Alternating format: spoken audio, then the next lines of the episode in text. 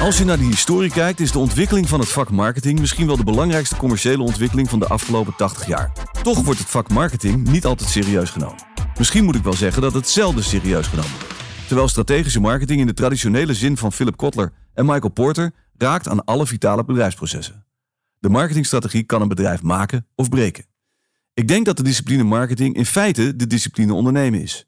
Je hebt het tenslotte over vraag, aanbod, pricing, supply chain en nog veel meer. Hoe komt het dan dat marketing slechts zelden in de boardroom vertegenwoordigd is? Zou het kunnen dat in de loop der jaren zoveel onderdelen van marketing specialisme zijn geworden dat voor marketing slechts de communicatiekant overbleef? Hoe kan het anders dat het idee is ontstaan dat marketing vooral geld kost? Althans, het is het eerste budget waarin gesneden wordt bij wat economische tegenwind. Bekende uitspraken als ik weet dat elke reclamedollar voor de helft weggegooid geld is, maar ik weet niet welke helft, roepen in elk geval vragen op ten aanzien van het rendement van marketing. Dit heeft dan weer mogelijk geleid tot de roep om accountability, die marketing weer in het zadel zou moeten helpen in de boardroom.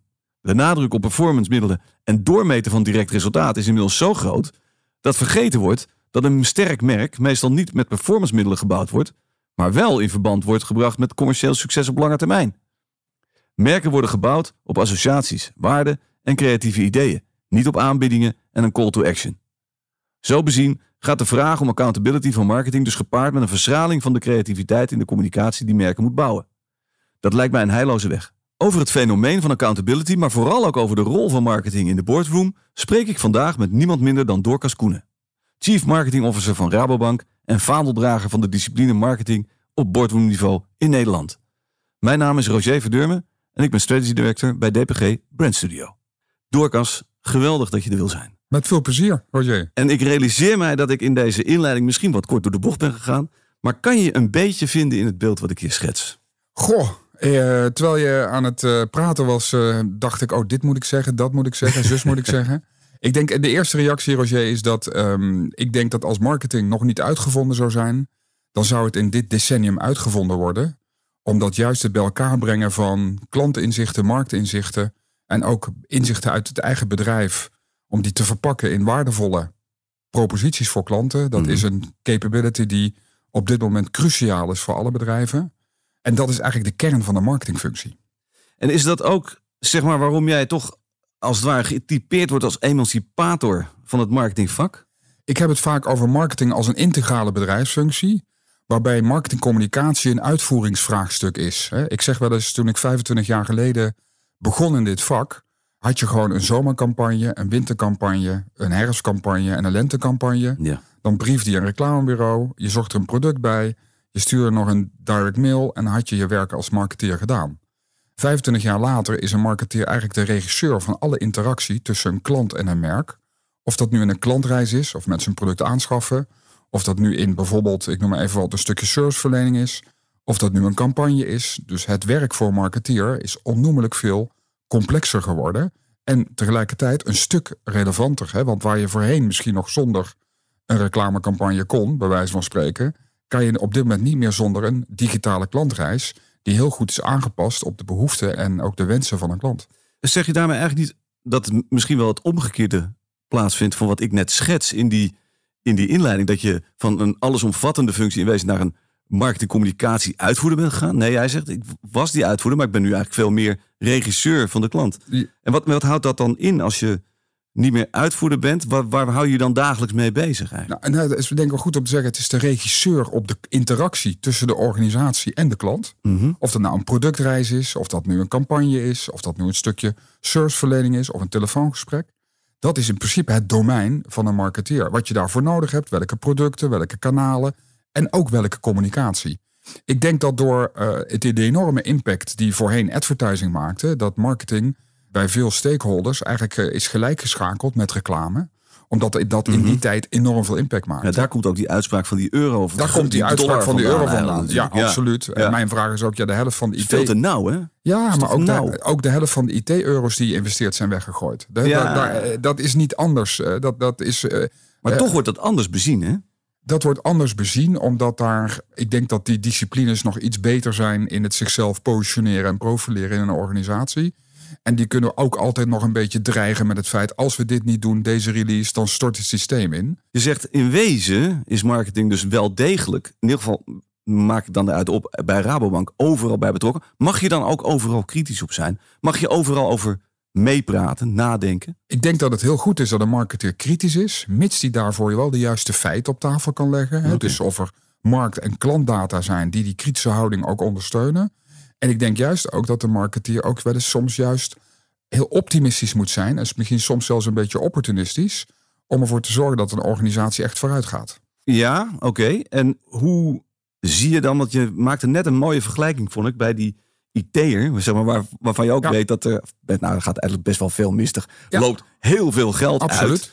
En daar hoor je toch minder over in de zin van accountability. Ja, Hoe, hoe zie je dat dan ten aanzien van het werk van de marketeer in de brede zin die je net schetst? ja. Hoe, hoe ben je accountable? Hoe verklaar jij aan die boardroom dat wat jij doet, dat dat inderdaad, net zoals die IT'er, hè, als je het niet investeert, stort het in. Ja. Maar als je niet investeert in marketing, stort het ook in. ja inderdaad. Hoe ga je daarmee om? Nou, mooie vraag. Ik denk eigenlijk door drie dingen te doen. Het allereerste is ervoor te zorgen dat de marketeers de taal van finance spreken.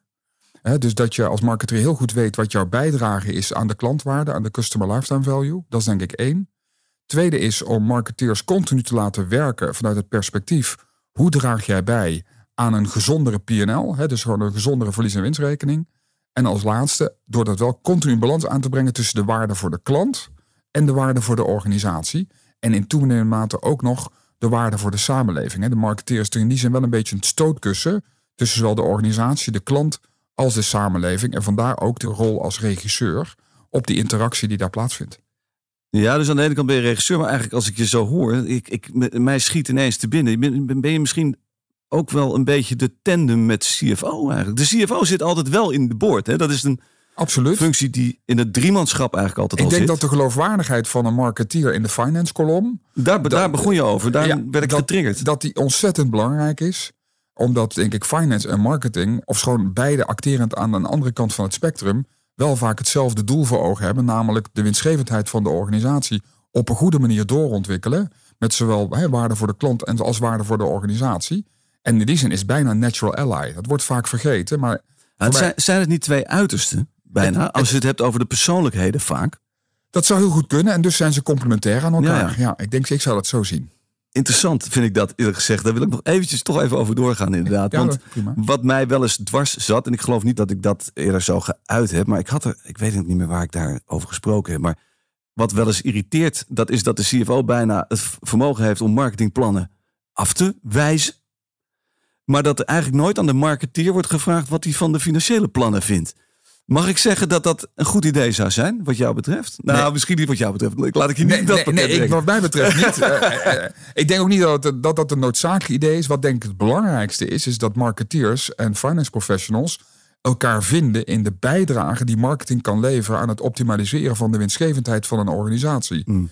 En dat betekent bijvoorbeeld in een organisatie, in een grote organisatie, dat de marketeer weet hoe je de kosten voor het acquireren van een nieuwe klant op een goede manier kan optimaliseren. Daar niet te veel, maar ook niet te weinig geld aan uit gaan geven. Maar bijvoorbeeld ook dat een marketeer kan helpen om de customer service van een organisatie zo te optimaliseren dat die op termijn minder geld kost en dat de klant aan de andere kant meer waarde percipieert. hè. Dus ik noem het net een natural ally, een marketeer en een finance professional kunnen als ze dezelfde op een aantal elementen dezelfde taal praten elkaar ontzettend versterken. En ik denk dat het een van de multiplier is voor een serieuze rol van marketing in een grote organisatie. Niet vergetend, hè, dat wordt wel eens vergeten. Philip Kotler heeft volgens mij in 1970 Principles of Marketing gepubliceerd. Ja, dus ken eigenlijk de geboortedatum van marketing. Ja, Dus ja. eh, ik ben in 1970 geboren, hè, dus het marketingvak bestaat nu 52 jaar. Mhm.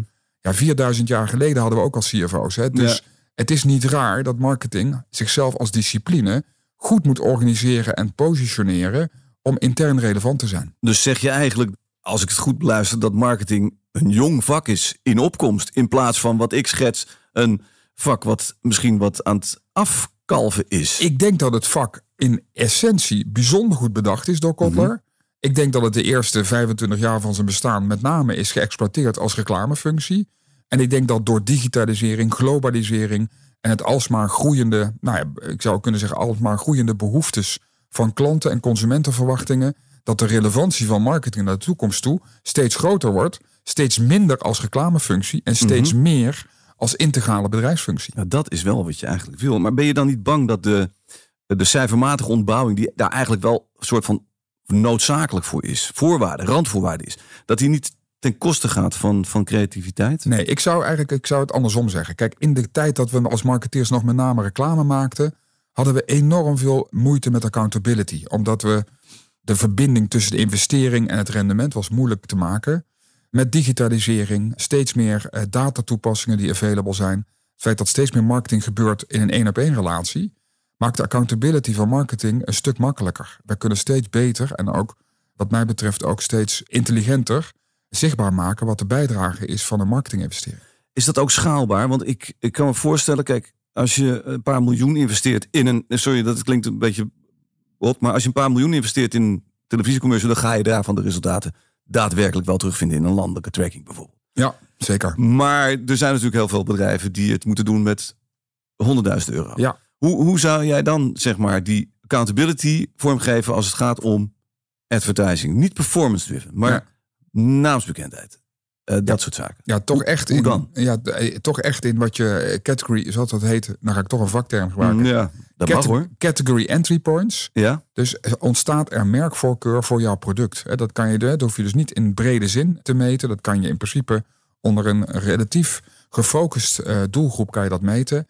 En dat is denk ik het allerbelangrijkste als je relatief beperkte budget hebt. Dat als je iets aan merk doet, dat je het continu focust op het feit: vergroot ik mijn category entry point? Zijn er meer mensen die aan mijn product denken op het moment dat ze, ik noem maar even wat, een blik verf nodig hebben?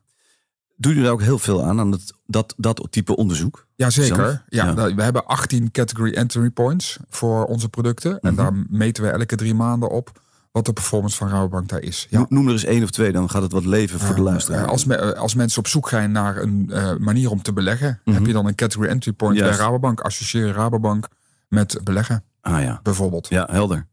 Wat zijn nou de grootste uitdagingen op dit moment als je vanuit eh, de, de marketing denkt en aan Rabobank? Uh, nou, ik denk één uitdaging is denk ik heel belangrijk, Roger. Dat hebben, die hebben denk ik geraakt is dat marketing denk ik de komende tien jaar de kans heeft om zichzelf echt neer te zetten als een integrale bedrijfsfunctie. Mhm. echt, uh, dat ook echt op een goede manier, uh, goede manier uit te venten, daar de mensen voor op te leiden en af te rekenen met het, ja, toch wat mij betreft, het Calimero-complex dat we, we niet in de boardroom zitten en dat het alleen over reclame gaat. Dat is echt onzin. Dus dat is uitdaging één. Uitdaging twee is om ervoor te zorgen dat organisaties op een goede manier verbonden blijven met de maatschappij. Omdat wij als marketeers de eerste 50 jaar van ons bestaan getraind zijn om te zoeken naar klantbehoeftes. Hè, dus individuele mm klantbehoeftes. Maar ik denk dat we die naar de toekomst toe steeds vaker in verbinding moeten brengen met het klantbelang. Dus wat is het collectieve belang? Dus het is niet alleen de behoefte die mag tellen, maar die behoefte moet je eigenlijk ook op zo'n manier kunnen invullen dat ook uh, de samenleving zelf daarvan profiteert. Dus die combinatie tussen klantbehoefte en klantbelang steeds vaker leggen, is een uitdaging voor marketeers. Want daarvoor moeten we ook ja, nog meer gaan kijken naar sociaal-wetenschappelijke trends in de samenleving. En niet alleen naar trends in de markt en uh, in behoeftepatronen. Dat is de tweede uitdaging. En de derde uitdaging, die heb je net aangeraakt, mm. is dat wij als marketeers door digitalisering en de opkomst van data niet moeten laten vertellen dat je merken kan bouwen één op één en digital. Om merken te bouwen heb je nog steeds heel veel, ja, toch ook gewoon echt above the line. Hè? Dus reclamecampagnes nodig. Mm of andere eigen platforms om een merkvoorkeur te bouwen. Even daarop doorgaan. Waar, waar onderscheidt zich dat dan? Wat is dan dat aspect wat je mist als je het alleen maar één op één zou proberen te doen? wat, het aspect wat nog, wat nog mist, maar of dat naar de toekomst toe met nieuwe techniek ook zeker zo blijft, is maar de vraag is echt het emotionele, de emotionele component. Hè. Ik zeg altijd, mhm. mensen verbinden niet met laptops, computers of uh, telefoonschermpjes. Hè. Mensen verbinden met mensen. Met mensen. Ja, ja, uh, en de manier om dat te laten zien is nu nog heel vaak reclame. Ik denk dat het ook steeds vaker in de verbinding met mensen zelf zou moeten gaan zijn. Hè. Dat, mensen, hè, dat medewerkers steeds meer een echte rol van merkambassadeur krijgen naar de toekomst toe. Maar dat is echt een uitdaging. En daar zijn op dit moment, denk ik, in digital en één op één ja, daar zijn de toepassingen nog niet voor gebruikt. Dat doen we ook als marketeers zelf. Hè, want je zei het aan het begin. Veel digitale kanalen en toepassingen worden gewoon gebruikt om producten te pushen. En dat vinden mensen gewoon niet leuk. Wij denken als marketeers dat dat heel goed werkt. Ja. Maar mensen vinden dat niet leuk.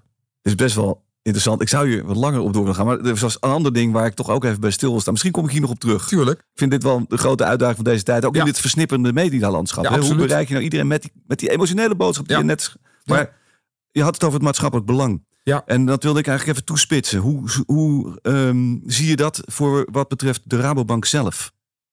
Ik denk dat het voor ons als bank steeds belangrijker is dat we zeggen dat we net zo'n goede bank zijn als de andere banken. Maar dat we Mhm. aan de andere kant ook echt een, een beetje anders zijn. En dat is omdat wij als coöperatie via 2,1 miljoen leden in Nederland eigenlijk verbonden zijn met de samenleving. En wij zouden als bank daardoor sneller en beter naar de toekomst toe moeten kunnen acteren als het gaat om maatschappelijke dilemma's, als het gaat om dingen die spelen in regio's of in woongebieden.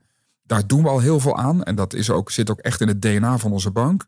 En ik vind dat we dat naar de toekomst toe ook nog weer wat prominenter moeten positioneren naar buiten omdat dat Rabobank echt een andere bank maakt. We verkopen dezelfde hypotheken, we verkopen ook dezelfde, en min of meer, dezelfde beleggingsproducten of spaarrekeningen. Want dit is een oligopolie. En als je al een keer een voorsprong hebt op productniveau, binnen 9 tot 12 maanden ben je gekopieerd.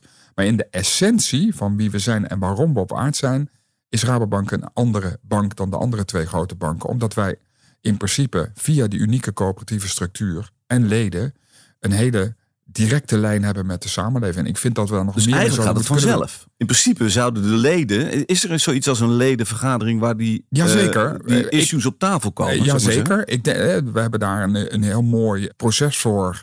Tot en met een algemene ledenraad. Die ook nog met onze eigen leden van de groepsdirectie interactie heeft. Een dialoog heeft.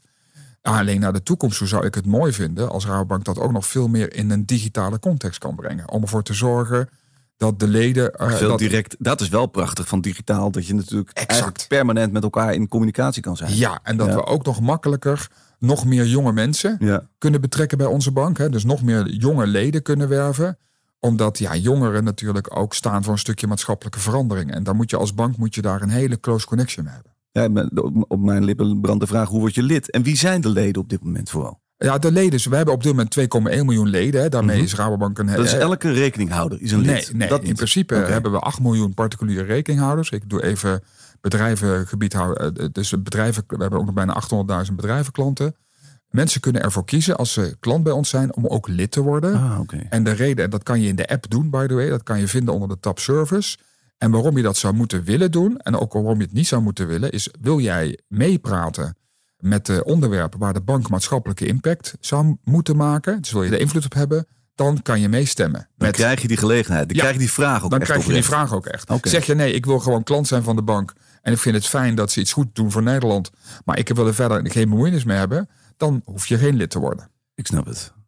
Maar het lijkt me ook heel ingewikkeld. In de zin, als lid om mee te praten over een wereld die qua maatschappelijke problematiek aardig ingewikkeld in elkaar zit. Maar Ja. ook nog gekoppeld aan een bank. Want uiteindelijk is dat natuurlijk de bedoeling, dat de bank daar iets mee gaat doen. Hoe, hoe, hoe ga je daar als marketeer mee om dan? Nou ja, wat je probeert is, eh, ik noem maar even wat je hebt op dit moment, hè, wat, wat ik mooi zou vinden voor een dialoog. Ik denk dat het woningbezit voor particuliere huishoudens in Nederland onder de 45 jaar, dat zou eigenlijk het eigen woningbezit, zou nog een stimulans verdienen. Dat is een vraag waarmee ik wel eens als marketeer wel eens rondloop. Dat zou goed zijn voor de vermogenspositie van die huishoudens naar de toekomst toe. Maar is, dat- is dat als bank, is dat te doen? Kan jij dat stimuleren? Want uiteindelijk is dat hele huisbezit, kan ik me herinneren, ooit eh, onder bezielende leiding van de CDA, zeg maar, met de, in de vorm van een inmiddels vermalendijde Ja. hypotheekrenteaftrek tot stand gekomen. Nou, daar wou ik het eigenlijk niet eens over hebben. Nee. Maar ik heb daar. Ik, ik heb daar Hoeft ook niet, Ik hè? ben geen Het gaat fiscalist. over de bank. Ja, gaat het over gaat de over de bank. bank. Nee, maar de leuke van zo'n dialoog. eh, ik heb daar eens een keer een dialoogsessie voor opgezet. En is gesproken met jonge leden van de bank. Mhm. En bij hun wel eens het, eh, eh, daar bijvoorbeeld iets besproken als van wat nou als je in plaats van een nieuw huis in Amsterdam een huis, een nieuw huis in Wageningen zoekt. Mhm. Die huizen zijn er wel, maar zijn misschien niet allemaal in de, in de context waar jij met jouw budget kan kopen. En met zo'n ledenraad hebben we dat voorbeeld doorgerekend. Wat het nou betekende als je jong koopt in plaats van heel lang blijft huren. Wat dat doet voor jouw vermogenspositie naar de toekomst toe. En Even afgezien van de fiscale stimulatie eh, die daar altijd op plaatsgevonden heeft. Maar bedoel je dan te zeggen, koop nu in Wageningen en Amsterdam? Komt dan wel of, of vergeet Amsterdam? Want dat Nou is geen populaire eh, opmerking. Nee, dat is geen populaire opmerking. Maar dat is in Nee. zo'n dialoog blijkt dan wel, Roger, dat mensen Ja. zeggen: verrek, je hebt er eigenlijk wel een heel goed punt. Hmm. Want hoe vaak eh, ga ik nou hier in Amsterdam naar de kroeg? Eh Eén keer per twee weken. En ik ga nog een keer naar de bioscoop op woensdagavond. Ja. En dat betekent wel dit voor mijn financiële toekomst. Nou, en dat in een dialoog brengen met bijvoorbeeld jonge mensen, mensen die afgestudeerd zijn. Ja, dat is wel heel waardevol. En dat is wel iets wat wij als bank op een goede manier kunnen doen. En daar maak je je dus ook sterk voor, want je noemt dat ook net al van die, je moet die financieel die, die toekomst moet je zeker stellen wij voor maken jonge ons, mensen. Nou, wij maken ons sterk in de particuliere markt voor een financieel gezond leven. En dat betekent dat wij huishoudens, particuliere huishoudens, willen stimuleren om zoveel mogelijk zelf aan vermogensopbouw te doen naar de toekomst toe. Door een snel te kijken naar een eigen woningbezit, door anders op een goede manier te gaan beleggen. Omdat wij weten en ook uit de cijfers kunnen halen dat ja, dat, dat uiteindelijk voor vermogenspositie in de toekomst heel profijtelijk is. Waarmee ze zich in ieder geval naar de toekomst toe de keuzes kunnen blijven veroorloven, waarvan ze op dit moment denken dat ze die ook hebben. En hoe gaat het bij jou dan? Want het is een soort fenomeen dat de nieuwe generatie helemaal niet meer vijf dagen per week uh, wil werken. En ook veel meer tijd eh, wil vrijmaken voor privé. Ook dat lijkt, uh, ik had het net al even aangehaald, zijn weerslag te hebben op de financiële, economische gezondheid, zou ik maar zeggen. Hoe zie je dat? Nou, dat is een mooie vraag. Kijk, als Rabobank vinden wij het belangrijk om talenten en talentvolle mensen uit alle geledingen van de samenleving, diversiteit, inclusief, om die aan ons te kunnen binden. En dat betekent misschien dat je een aantal dingen moet loslaten. Hè? Dus dat je ook inderdaad uh, mensen niet meer verplicht om vijf dagen per week te werken. Mensen ook niet verplicht om vijf dagen per week op kantoor te zijn. Maar als werkgever probeert om de beste balans te vinden tussen het talent wat je aangeboden krijgt en het werk wat je eh, wil laten doen. Ik vind het belangrijker om goede mensen aan me te kunnen binden. Dan om mensen aan me te kunnen binden die aan ons, aan Rabo te kunnen binden, die aan allerlei operationele regels rondom werk moeten voldoen. Ik denk juist dat wij bij uitstek in staat zijn om voor werknemers een hele mooie plek zijn om te werken, omdat je juist ook die vrijheid hebt. Mits je natuurlijk wel levert, hè, want wij staan natuurlijk onder toenemende druk, ook als het gaat om kosten en opbrengsten. we moeten wel mensen hebben die passie hebben om ook resultaat te creëren. Alleen als je dan zegt, nee, ik ben maar vier dagen per week beschikbaar, realiseer je dan wel dat je die dag in de week die je werkte voor je pensioen, dat je die dan blijkbaar aan iets anders besteedt. Dus dat heeft wel echt impact, ook naar de toekomst toe, voor je eigen financiële gezondheid. En dat is wel een gesprek wat ik dan wel eens voer met aankomende collega's. Prima dat je dat doet, dat je die dag er niet bent, iets anders gaat doen, maar heb je ook al een keer doorgerekend wat dat betekent voor jouw financiële situatie over 30 jaar? En ik weet het, zeker jongeren denken, nou het zal wel. Maar vanuit mijn eigen verantwoordelijkheid. Hoe rekent dat door? Hoe rekent dat door? Nou ja, dat kost je gewoon uh, serieus geld voor je pensioen. En dat kost ook, uh, dat zorgt er ook vaak voor dat je wat minder geld opzij kan leggen. Want als je dat uh, flink belegt, slim belegt, dan de toekomst natuurlijk ook een mooie, even afgezien van onvoorziene omstandigheden, ook een mooi rendement op kan leveren. Dus kijk, ik wil niet de indruk wekken dat we dat uitbalanceren. Want mensen moeten echt hun eigen keuzes maken. Wij willen graag mensen aan ons binden die mooie resultaten willen creëren voor de bank en voor de samenleving. En de manier waarop ze dat doen moet binnen een bepaald kader passen. Maar daarbinnen krijgen ze alle vrijheid. Mits ze dan ook de verantwoordelijkheid voelen en nemen voor hun eigen besluit. En wat de impact daarvan is op hun eigen financiële toekomst. In wezen wat je zegt van, weet je, we willen ook weer meer die maatschappelijke rol pakken. We willen meer terug naar. Dat heeft natuurlijk ook te maken toch met een zeker negatief imago. Wat banken in het algemeen, en zeker niet alleen de Rabobank, hebben opgelopen gedurende diverse crisis en dergelijke. zeker. Hoe ga je daarmee om? Ik bedoel, is, is dit uh, zeg maar dan het financieel gezond maken van een nieuwe generatie als het ware? Is dat het belangrijkste wapenfeit daar? Of is, is, er, is er meer wat je um, bezighoudt op dat vlak? Nou, ik, ik denk dat eh, er zijn drie dingen denk ik, die, daar, die me daar bezighouden. De eerste is toch wel een beetje het fact of life. Dat blijkbaar grote merken en zeker ook banken echt onder een vergrootglas liggen. Mhm. En dat met name de negatives uitgelicht worden, maar niet de positives. Hè. Even de rol die banken gespeeld hebben aan het begin van de coronacrisis onder andere om uh, particuliere huishoudens en bedrijven in de lucht te houden. Die wordt uh, dan gemakshalve vergeten. Hè? Dus het is vaak heel veel aan de negatieve kant en heel weinig aan de positieve kant. Hè? Terwijl we toch. Nieuws is altijd negatief, hè? Slecht nieuws. Exact, goed nieuws is geen nieuws. Hè? Nee, jammer. maar we, hebben, ja, we hebben wel hè, we regelingen getroffen met tienduizenden hypotheekklanten bij ons, et cetera. En die mensen zijn ons daar ontzettend dankbaar voor. Dus dat vind ik eigenlijk jammer, maar dat is even um, uh, dagen later. Nou ben ik jouw vraag kwijt. Nou ja, het ging me over een wat breder spectrum. Hoe je werkt aan, de, aan het imago van de bank. Omdat het toch een, ja, verschillende keren een deuk heeft opgelopen. En misschien volkomen onterecht, zoals je nu schetst. Nee, het is, nee, ik denk niet dat het. Kijk, weet je, als je een deuk oploopt, is er altijd een reden, voor. Ja. Dus, en je moet daar zelf ook geen slachtoffer in zijn. Je moet daar op die zin ook een, op een positieve en, en wat mij betreft ook optimistische manier mee omgaan. Met zelfvertrouwen. Vandaar dat ik mhm. dat punt ook even maak ten aanzien van de coronacrisis. Nee, ik vind dat het belangrijk is dat we naast het runnen van een bank op een goede manier proberen om ook zoveel mogelijk maatschappelijke impact te maken rondom de klant. Hè. Dus wel, mm eigenlijk zeg ik wel eens, je zou uiteindelijk een keuze moeten kunnen maken tussen een bank A en Rabobank. Is dat je weet, nou ja, bij bank A, ik weet niet wat er gebeurt met de winst die de bank A maakt. Je gaat misschien naar een pensioenverzekeraar in, Mhm. eh, in, in, in Amerika of een belegger, weet ik veel waar. En bij Raadbank weet je in ieder geval dat een deel van wat wij op jaarbasis doen, dat we dat ook heel graag in de vorm van coöperatief dividend weer teruggeven aan de samenleving. En wat zijn nog meer thema's waarmee je zeg maar dat... Er zijn eh, denk ik drie grote thema's waarmee wij spelen. Duurzaamheid, dat is Ja. anyhow een thema. Dat geldt voor alle banken. mhm. De road to Paris, hè, daar liggen enorme eh, uitdagingen. Met name belangrijk om ook met onze bedrijvenklanten goed, eh, goed mee om te gaan. Tweede thema is financieel gezond leven. Hè, dus particuliere huishoudens naar de toekomst toe meer zelfredzaam maken als het gaat om hun, nou ja, noem maar even vermogenspositie in de toekomst. Omdat de overheid zich ook op dat vlak langzaam een stukje terugtrekt. Mhm.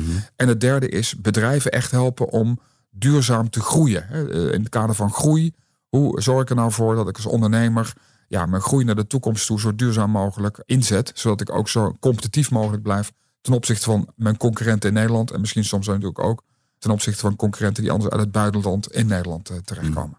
Ik moet even denken over, als je zegt financieel gezond, ik moet daar toch nog even bij stilstaan. Want we komen heel makkelijk bij het opbouwen van vermogen terecht en Ja. bij huizen en dergelijke. Maar ja, een hele grote groep in Nederland ja, heeft het eigenlijk helemaal niet over huizen. En ik moet ineens denken aan een eh, interview wat eh, gedaan werd met Annette Mosman, die ken je vast wel, van APG. Die zich enorm druk maakt over eh, het financiële zelfstandigheid van met name vrouwen. Ja. En die in dat verband natuurlijk vooral kijkt naar hypotheken en dergelijke. Hoe, hoe staat Nou, kijk, voor een de financieel... Rabobank daarin? Nee, ik denk een goed punt, Roger. Voor financieel gezond leven zijn er eigenlijk vier stappen belangrijk. Mhm. Het eerste is inzicht en overzicht. Heel veel klanten hebben onvoldoende inzicht en overzicht. Daar investeren we heel zwaar in onze app om ervoor te zorgen dat je bijvoorbeeld vooruit kan kijken voor je uitgaven, et cetera. Mhm. Dat is één. Tweede belangrijk eh, stap voor een financieel gezond leven is dat je echt geld overhoudt. Dus dat je echt probeert om de inkomsten in balans te brengen met de uitgaven. Of liever nog, dat je de uitgaven iets onder de inkomsten brengt. En dat is voor sommige mensen enorm moeilijk omdat die mensen echt al eh, op dit moment al enorm veel moeite hebben om Mhm. überhaupt rond te komen. hè. Dus dan is het besef daarop. eh, die hebben dat besef vaak al wel bijna omdat ze dat elke dag meemaken. Maar ook mensen die het denken dat ze het niet meemaken, ook voor hun is het belangrijk. Dus dat proberen we ook op een goede manier te doen. En we hebben daar bijvoorbeeld ook, hè, als mensen in een probleem komen, zijn wij bijvoorbeeld ook partner in de schuldhulproute. Hè, dus we hebben geldfit. Daar proberen we heel veel aan te doen. Nou, als het lukt om geld over te houden, ja, dan kan je pas na gaan denken over het feit of je een huis kan kopen en misschien in verderop ook eh, kan beleggen. Nou, op die vier stappen die er zijn, besteden wij 60, 70 procent van onze aandacht aan inzicht en overzicht.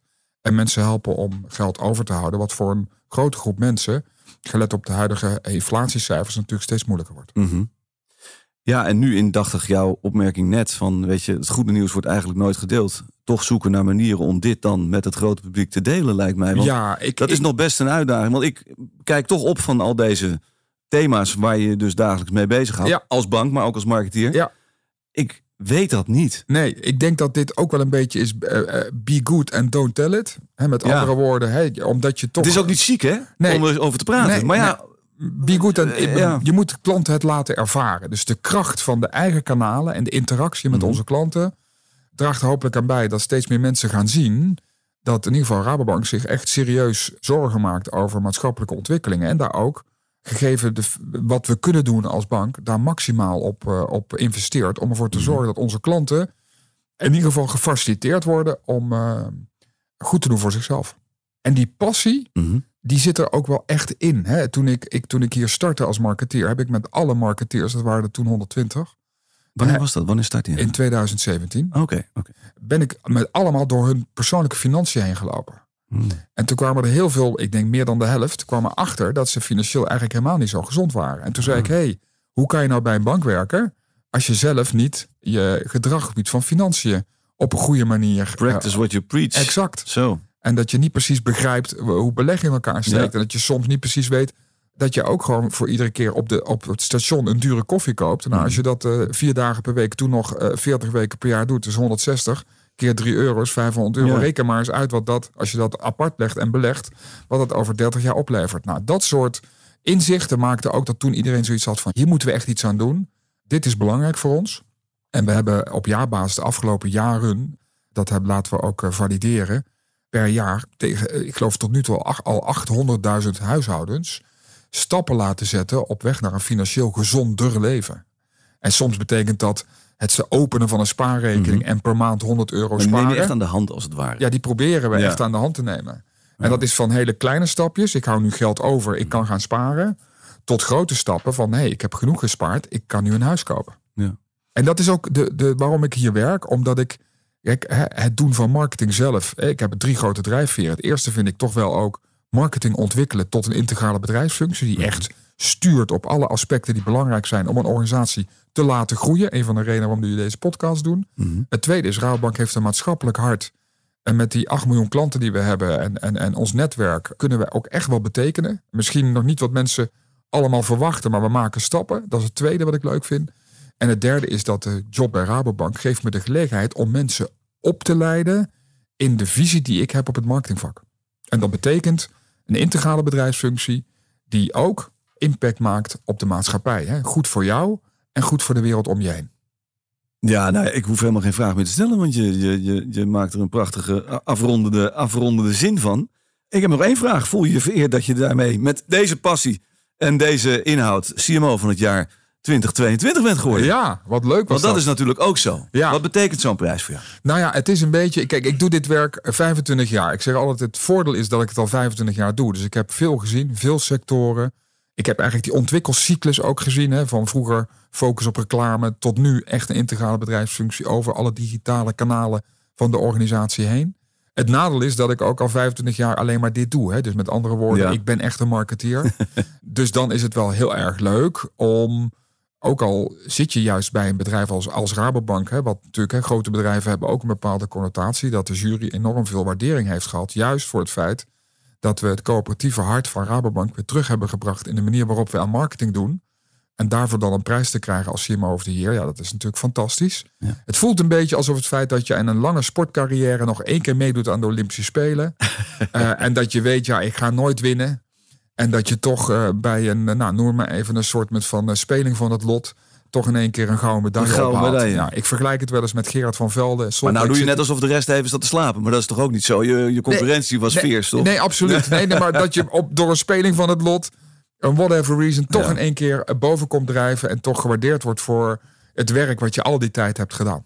Ja. En ik wilde het net even afmaken, anders dan gaan de podcastluisteraars misschien denken, maar zat je in, ik ben een sportfanaat ook nog, naast Mhm. marketing gek. Had je Gerard van Velde bij de Olympische Spelen in Salt Lake City. Die won in één keer nooit een prijs gewonnen op de 1000 meter. Wel altijd geprobeerd en die won in één keer goud. Nou, Ja. daarmee vergelijk ik. Ik kon hem zijn gezichtsuitdrukking, kan ik me nog wel herinneren. Die, eh, die, Kijk die maar op- totale verrassing. Kijk maar op internet naar Ja. mijn gezichtsuitdrukking. Er is een wereldberoemde foto eh, over dat moment dat ik eh, Ja. die award in, in handen mocht nemen. Leuk. En even voor de goede orde. Ik denk dat ik ook in de gelegenheid ben gesteld door Rabobank om deze persoonlijke erkenning te krijgen. Want in deze rol, dat ik die mag doen, dat heeft me ook in staat gesteld om eh, ja, ook deze Ja, herkenning als vakman te krijgen. deze sporen te verdienen. Ja. Absoluut. Ehm, ten slotte, je, je, je hebt de brandkast een paar keer beluisterd, eh, eh, begreep ik. Dus daar ben ik heel blij om en trots op. Maar dat betekent ook dat je weet dat er altijd naar een merkgeheim gevraagd wordt in wezen. Hè, wat we willen opslaan in de brandkast. Ja. Dat wil ik bij deze jou vragen. Wat is het merkgeheim wat misschien al voorbij gekomen is? Hè? Of misschien is het nog vers. Wat je met ons wil delen om op te slaan in de brandkast. Nee, ik heb het al gezegd. En eh, het merkgeheim is dat Rabobank een merk is met eh, 2,1 miljoen leden. Die eh, zorgen voor een mooie verbinding tussen de Nederlandse samenleving en onze organisatie. Dat is al vele jaren zo. Hè. Dat aantal leden is natuurlijk wel gegroeid met de jaren. Dat is al vele jaren zo. En ik vind dat we als Rabobank meer moeten doen met die equity. Dus die leggen we in de brandkast. En die gaan we op, eh, nou ik zou bijna zeggen, op een aantal momenten denk ik wat beter gebruiken omdat ik vind dat we daarmee ook echt kunnen bewijzen en onderbouwen dat wij een andere bank zijn. En dat dat ook een reden moet zijn voor klanten om voor ons te kiezen. Dorcas, dankjewel. Ik vond het een mooi gesprek. Dankjewel. Graag gedaan. Ben je benieuwd naar alle podcasts van Grow? Volg ons dan in je favoriete podcast app of op dpggrow.nl.